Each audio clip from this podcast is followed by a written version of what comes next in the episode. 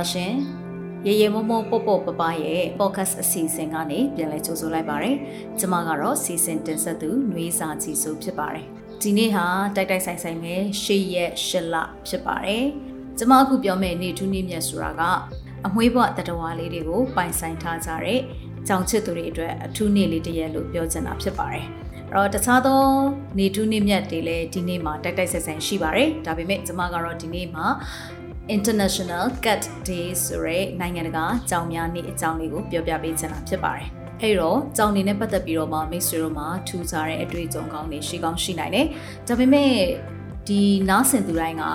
ကြောင်တွေကိုချစ်တဲ့သူဟုတ်ချင်မှာဟုတ်မယ်ပေါ့နော်တချို့တွေကကြောင်နေနဲ့ allergic ရှိတာမျိုးဖြစ်ကောင်းဖြစ်နိုင်တယ်တချို့တွေကကြောင်တွေကိုဟိုချစ်ခင်တွေ့တာမှုမပြုတ်တတ်တဲ့သူမျိုးတွေလည်းရှိကောင်းရှိနိုင်တယ်ဒါပေမဲ့ဒီနေ့အစီအစဉ်ကတော့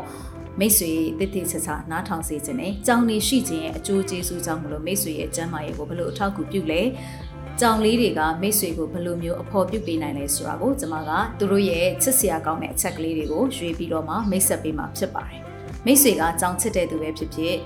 ဘာကြောင့်မလို့ဒီအမွှေးဘွားတတော်လေးတွေကကိုဘွားထဲမှာရှိဖို့လိုအပ်တယ်ဆိုတာသိဖို့အတွက်ဒီစီစဉ်လေးကိုစုံထီနာထောင်ပေးစေချင်ပါတယ်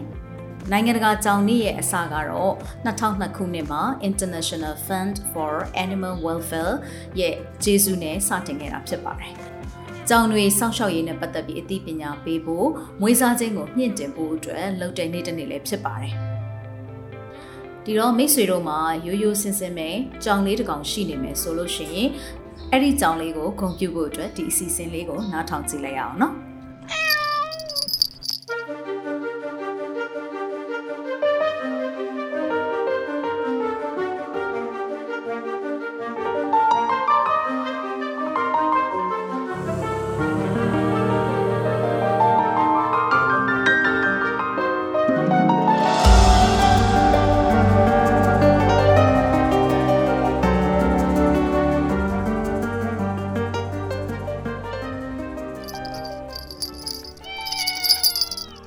မိတ်ဆွေကအကြောင်းပိုင်ရှင်ဆိုလို့ရှိရင်မိတ်ဆွေနဲ့ကိုယ့်ရဲ့အကြောင်းလေးခြားကထူးခြားတဲ့တန်ရောစင်ကျိုးတွေကိုလည်းကိုရိရှိမယ်လို့ကျွန်မယုံကြည်ရပါတော့ဒီလွတ်လပ်တဲ့တတဝါလေးတွေဟာအဖော်တက်တက်ထက်ပိုပြီးတော့မှကောင်းမွန်တဲ့အမှန်တကယ်ပံ့ပိုးမှုတွေကိုမိတ်ဆွေကိုပေးနိုင်တာဖြစ်ပါတယ်ကဲကြောင်တကောင်ကိုအဖော်ဖြစ်ထားပြီးတော့မှရရှိလာမဲ့ဆွဲမဖွယ်ကောင်းတဲ့ကျမ်းမာရေးအကျိုးကျေးဇူးတွေကိုကျမတို့အတူစူးစမ်းကြည့်လိုက်ရအောင်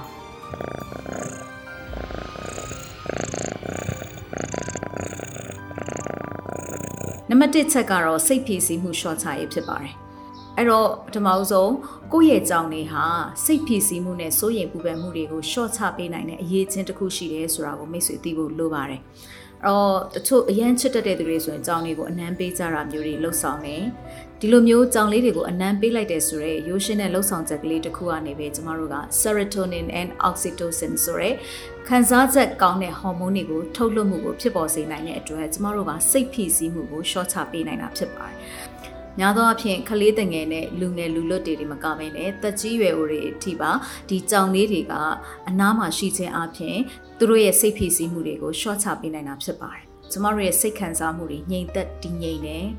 ပြီးလို့ရှိရင်ငြိမ်သက်ခြင်းရှိတဲ့အတွက်ကြောင့်မို့လို့ဒီကျမတို့ရဲ့ atmosphere ပေါ့နော်ဒီပတ်ဝန်းကျင်ကိုလည်းတာယာတဲ့လေထုဖြစ်ဖန်တီးပြီးပြီးတော့စိတ်အေးလက်အေးနဲ့ကိုနေနိုင်အောင်လို့ကြောင်လေးတွေကကိုယ့်ကိုကူညီပေးတယ်လို့ဆိုလိုချင်တာဖြစ်တယ် နံပါတ်2ချက်အနေနဲ့ကတော့ကျမတို့နှလုံးကျန်းမာရေးပေါ့အဲ့တော့နှလုံးယောဂအခန်းရှိကြတဲ့သူတွေဆိုလို့ရှိရင်ဒီယုံကြည်ယုံယုံကြည်နေပေါ့နော်ကြောင်တကောင်ရှိခြင်းကမိတ်ဆွေရဲ့နှလုံးကျန်းမာရေးကိုကောင်းမွန်စေနိုင်ပါတယ်လေ့လာမှုတွေအရာဆိုလို့ရှိရင်လေကြောင်ပိုင်ရှင်တွေကကြောင်မရှိတဲ့သူတွေထက်ပိုပြီးတော့မှနှလုံးဖောက်ခြင်းတို့လေဖြတ်ခြင်းတို့လိုကျန်းမာရေးဆိုးရွားမှုတွေဖြစ်နိုင်ခြေနေပါကြောင်းကိုတွေ့ရတယ်။ အဲ့တော့သွေးပေါင်ချိန်ကိုရှော့ချပေးတာမျိုးနဲ့နှလုံးခုန်နှေးကွေးစေတာမျိုးကိုဖြစ်စေတဲ့အတွက်ကြောင့်မလို့နှလုံးသွေးကြောဆိုင်ရာကျန်းမာရေးကိုအများကြီးအထောက်အကူပြုတယ်လို့ဆိုရမှာဖြစ်တယ်။နံပါတ်3ချက်ကတော့စိတ်ပိုင်းဆိုင်ရာပံ့ပိုးမှုပေါ့ ကြောင်တွေကဒီကောင်းမွန်တဲ့စိတ်ခံစားချက်တွေကိုပေးဖို့အတွက်အဖော်တွေဖြစ်တယ်။ဒါကြောင့်မလို့ဒီကြောင်လေးတစ်ကောင်ရှိခြင်းအပြင်ကိုယ့်ရဲ့စိတ်ထဲမှာနှွေးထွေးမှုကိုခံစားရစေတယ်။ပြီးလို့ရှိရင်ဒီကြောင်ပိုင်ရှင်တွေရဲ့စိတ်ခံစားချက်နဲ့လည်းသူတို့ကလိုက်ရောညီထွေဖြစ်အောင်နေနိုင်တဲ့အတွက်ကြောင့်မလို့ကြောင်ပိုင်ရှင်ကဥပမာခက်ခဲတဲ့အချိန်ကာလကိုဖြတ်တန်းနေရတယ်ဆိုလို့ရှင်လေအဲ့ဒီအချိန်နဲ့လိုက်ဖက်တဲ့နှစ်သိမ့်မှုတွေပံ့ပိုးမှုတွေကိုသူတို့ကပေးစွမ်းနိုင်တယ်လို့ဆိုလိုတာဖြစ်တယ်အဲ့တော့သူတို့ရဲ့ တုံ့ပြန်မှုပေါ့နော်ချစ်ခင်ကျင်နာတဲ့အမူအရာမျိုးလေးတွေအာတချို့ကြောင်လေးတွေဆိုနှိပ်ပေးတတ်တယ်ပေါ့နော်စုံနေပေးတာမျိုးလေးတွေသူတို့ရဲ့ခေါင်းလေးတွေနဲ့လာပြီးတော့ပုတ်တက်ပေးတာမျိုးဒီလိုအပြုတ်မှုလေးတွေကကိုယ့်ရဲ့တင်းမာနေတဲ့စိတ်ခံစားချက်နွမ်းနဲ့အားလျော့နေတဲ့ခံစားချက်တွေကိုတက်တာလာစေနိုင်ပြီးတော့သူနဲ့ကိုကြားမှာလည်းခိုင်မာတဲ့စိတ်ခံစားမှုနှောင်ကြိုးတွေကိုပို့ပြီးတော့မှတိုးပွားစေတယ်ပေါ့နော် ဆိုလိုချင်တာကတော့မိတ်ဆွေရဲ့အထီးကျန်မှုတွေဝမ်းနည်းမှုတွေကိုတတ်တာလျော့ပါစေပြီးတော့မိတ်ဆွေရဲ့စိတ်ခံစားချက်နဲ့လိုက်ရောညီထွေနေထိုင်ပေးနိုင်တဲ့ကြောင်လေးတွေရှိတဲ့နယ်လို့ပြောချင်တာပါနံပါတ်၄အချက်အနေနဲ့ကတော့ပုံမကောင်းမွန်တဲ့စိတ်ဓာတ်ကိုဖြစ်ပေါ်စေပါတယ်အဲ့ဒါကတော့ကျမတို့ကြောင်တကောင်ရဲ့ရဲစရာကောင်းတဲ့အမူအရာလေးတွေဟောသူတို့ရဲ့ထူးဆန်းတဲ့အပြုအမူလေးတွေကိုကျမတို့ကလေလစ်လူရှုပြီးမနေနိုင်ပါဘူး ဘာလို့လဲဆိုတော့ဒါကျမတို့ကိုသူတို့ဟာဖျော်ဖြေနေတာမျိုးလေးဖြစ်ပါတယ်အဲ့တော့ဒီဖျော်ဖြေရေးခိုက်တန်လေးတွေကကျမတို့ရဲ့စိတ်ခံစားချက်တွေကိုမြင့်တင်ပေးတယ်ပြီးလို့ရှိရင်ကျမတို့ကို relax ပေါ့နော်တတောင့်တက်တာဖြစ်ပြီးတော့မှရေမောပေါ့ပါစေနိုင်တဲ့အထိစွမ်းဆောင်ပေးနိုင်တာမျိုးဖြစ်ပါတယ်သူတို့ရဲ့ဒီတင်းငယ်တဲ့အပြုတ်မှုလေးတစ်ခုကကျမတို့အတွက်အများကြီးကို impact ပေါ့နော်အကျိုးသက်ရောက်စေတာဖြစ်တယ် ဘယ်လိုပြောမလဲသူတို့ကိုတွေ့ရင်အမြဲတမ်းပဲမေတ္တာရှိနေတဲ့ပုံစံမျိုးခံစားရတယ်ဒါကြောင့်ကျမတို့ရဲ့နှလုံးကနေပြီးတော့လေအာကျမ်းမာရေးကောင်းမွန်လာစေတယ်လို့အုံနောက်ကလည်းဒီချစ်ခင်မှုကိုဖြစ်စေတဲ့တက်တွေထုတ်ပေးတဲ့အတွက်ကြောင့်မလို့ကျမတို့ဟာဒေါသလောဘမောဟတွေကင်းပြီးတော့မှကျမတို့ရဲ့စိတ်ခံစားချက်တွေကတည်ငြိမ်အေးချမ်းတဲ့အာမေတ္တာတရားတွေတိုးပွားလာတယ်လို့ခံစားရစေ။ဒါကြောင့်ကျမတို့ဘဝကိုအေးချမ်းငြိမ်သက်စေတဲ့ အကြောင်းတရားတွေဖြစ်ဖို့အတွက်ဒီကြောင်လေးတွေကပုံမကောင်းမွန်တဲ့စိတ်ဓာတ်တွေပေါ်ပေါက်လာအောင်အကူအညီပေးနေတာဖြစ်ပါတယ်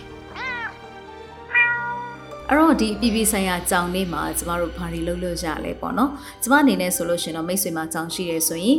ကြောင်မိတ်ဆွေတွေချင်းချင်းတွေ့ဆုံပြီးတော့မှကြောင်လေးတွေကိုမိတ်ဖွဲ့စေပါသူတို့ကိုအတိတငယ်ချင်းတွေတိုးပွားစေပါပြီးလို့ရှင်သူတို့အတွက်ပျော်ရွှင်စရာကောင်းတဲ့အခိုက်အတန့်လေးတွေကိုဖန်တီးပေးပါဥမာသူတို့နဲ့အတူကစားတာမျိုးသူတို့ကိုပုတ်သက်ချော့မျိုးကလူကြည့်စေတာမျိုးပေါ့နော်ဒါမျိုးလေးတွေပြီးလို့ရှင်ဒီနေ့မှာထူးထူးခြားခြားသူတို့အတွက်ပေါ့နော်အမှတ်တရသူတို့ကြိုက်တဲ့အစားအစာမျိုးလေးတွေကျွေးတာမျိုးသူတို့ ဖြစ်ချင်လှုပ်ချင်တဲ့ဟာလေးတွေကိုပေးပြီးတော့မှလှုပ်ထားတာမျိုးတွေလှုပ်တင်ပါတယ်သူတို့ရဲ့ဘဝကိုမြင့်တင်ပေးနိုင်မယ့်နီလန်အားလုံးကိုလည်းကျမတို့ကထည့်သွင်းစဉ်းစားပြီးလှုပ်ဖို့လိုသလိုအဲ့တော့မိတ်ဆွေဟာတသက်တာလုံးကြောင်ချစ်မြတ်နိုးသူဖြစ်နေမယ်ဆိုရင်ဒါမှမဟုတ်အခုမှစပြီးတော့မှကြောင်လေးတစ်ကောင်ကိုပထမဆုံးစပြီးတော့စမ်းသပ်မွေးစားဖို့အတွက်စဉ်းစားနေမယ်ဆိုရင်လေဒီအကျိုးကျေးဇူးတွေကိုရနိုင်တယ်ဆိုတာကို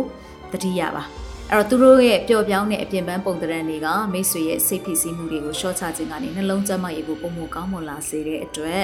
ဒီကာလအတွင်းမှာမရင်းရိုင်တဲ့စိတ်ပိုင်းဆိုင်ရာပံ့ပိုးမှုအကူအညီတွေအထိကြောင်တွေကမိတ်ဆွေကိုတကယ်တမ်းမယုံနိုင်လောက်အောင်ကြိုးပြုတဲ့အဖော်ကောင်းတွေဖြစ်ပါတယ်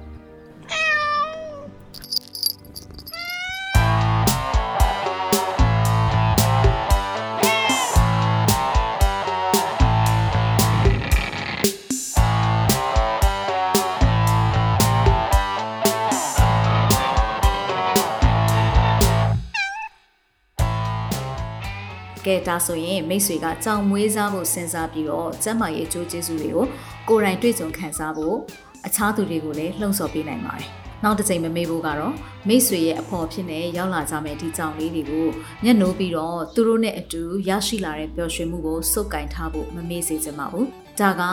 မိတ်ဆွေရဲ့ဘဝတွေကိုသူတို့ယူဆောင်လာပေးမယ်လက်ဆောင်ကောင်းတွေပဲဖြစ်ပါတယ်။ဒီလိုပြောလို့မနှွေးကကြောင်နေအတင်းမွေးခိုင်းနေတယ် ကြောင်ကိုမချစ်ချင်အောင်လုပ်နေတယ်လို့ထင်သွားကြပါအောင်မယ်အဲ့တော့ကြောင်ဆိုတာလေကိုမိသားစုဝင်တယောက်လို့မွေးမယ်ဆိုရင်တချို့တွေကကြောင်ကိုတရိษံဖြစ်ပဲရှုမြင်ကြတယ်အတရိษံပဲတရိษံလို့နေမယ်တရိษံလို့စားမယ်အဲ့ဒီလိုမဟုတ်ပါဘူးကိုကကြောင်တကောင်ကိုတာဝန်ယူပြီးတော့မွေးပြီးဆိုလို့ရှိရင်ဒီကြောင်နဲ့ပတ်သက်တဲ့စာဝတ်နေရေးပြီးလို့ရှိရင်ပြုစုဆောင်ရှောက်မှု ကျန်းမာရေးစေဝါကုသမှုပေါ့နော်ဒါမျိုးလေးတွေကိုလည်းမိတ်ဆွေကလုပ်ပေးတဲ့ပါတယ်ဒါဟာနှစ်ဦးနှစ်ဖက်အကျိုးရှိစေတဲ့ကိစ္စဖြစ်ပါတယ်ဘာလို့လဲဆိုတော့ဒီကြောင်လေးကညစ်ပတ်နေမယ်အာပြီးလို့ရှိရင်ယောဂတွေရှိနေမယ်ဆိုရင်မိတ်ဆွေအတွက်လည်းစောစောရပြောတဲ့ကောင်းကျိုးတွေမရဘဲနဲ့ဆိုးကျိုးတွေပဲရလာနိုင်ပါတယ်နောက်ပြီးလို့ရှိရင်တကိုယ်ရည်တန်ရှင်းမှုပေါ့နော်မိတ်ဆွေကောသူကောတကိုယ်ရည်တန်ရှင်းမှုကောင်းကောင်းရှိဖို့လိုအပ်ပါတယ်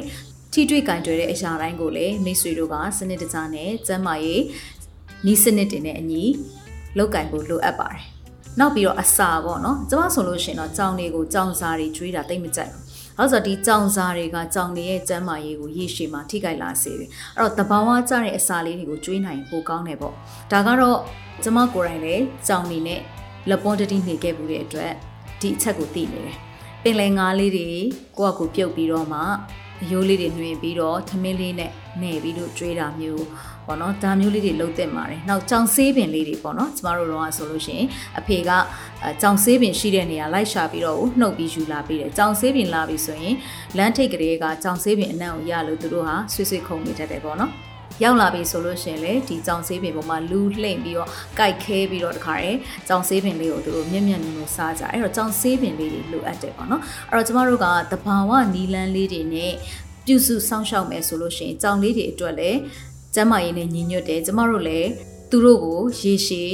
ထိမ့်သိမ်းရတာဖြစ်တဲ့အတွက်စီးနဲ့စနစ်နဲ့အစာကျွေးတာကအစသုံးဆောင်နေစီမံပေးတာအဆုံးပေါ့နော်ဒါမျိုးလေးတွေကိုစနစ်တကျလုပ်ပေးနိုင်မယ်ဆိုလို့ရှိရင်နှစ်ဦးနှစ်ဖက်အကျိုးရှိစေတဲ့ရလဒ်တွေကိုအပြည့်အဝရနိုင်မယ်လို့ကျွန်မယုံကြည်ပါတယ်အဲ့တော့ကြောင်တွေကအမျိုးမျိုးသောကျန်းမာရေးအကျိုးကျေးဇူးတွေကိုပေးစွမ်းနိုင်တယ်ဆိုပေမဲ့လည်းမိတ်ဆွေတို့တူချင်းစီရဲ့အတွေ့အကြုံတွေကတော့မိတ်ဆွေတို့ရဲ့စိတ်ခံစားချက်ရဲ့ရရှိလာတဲ့ကြောင်လေးတွေရဲ့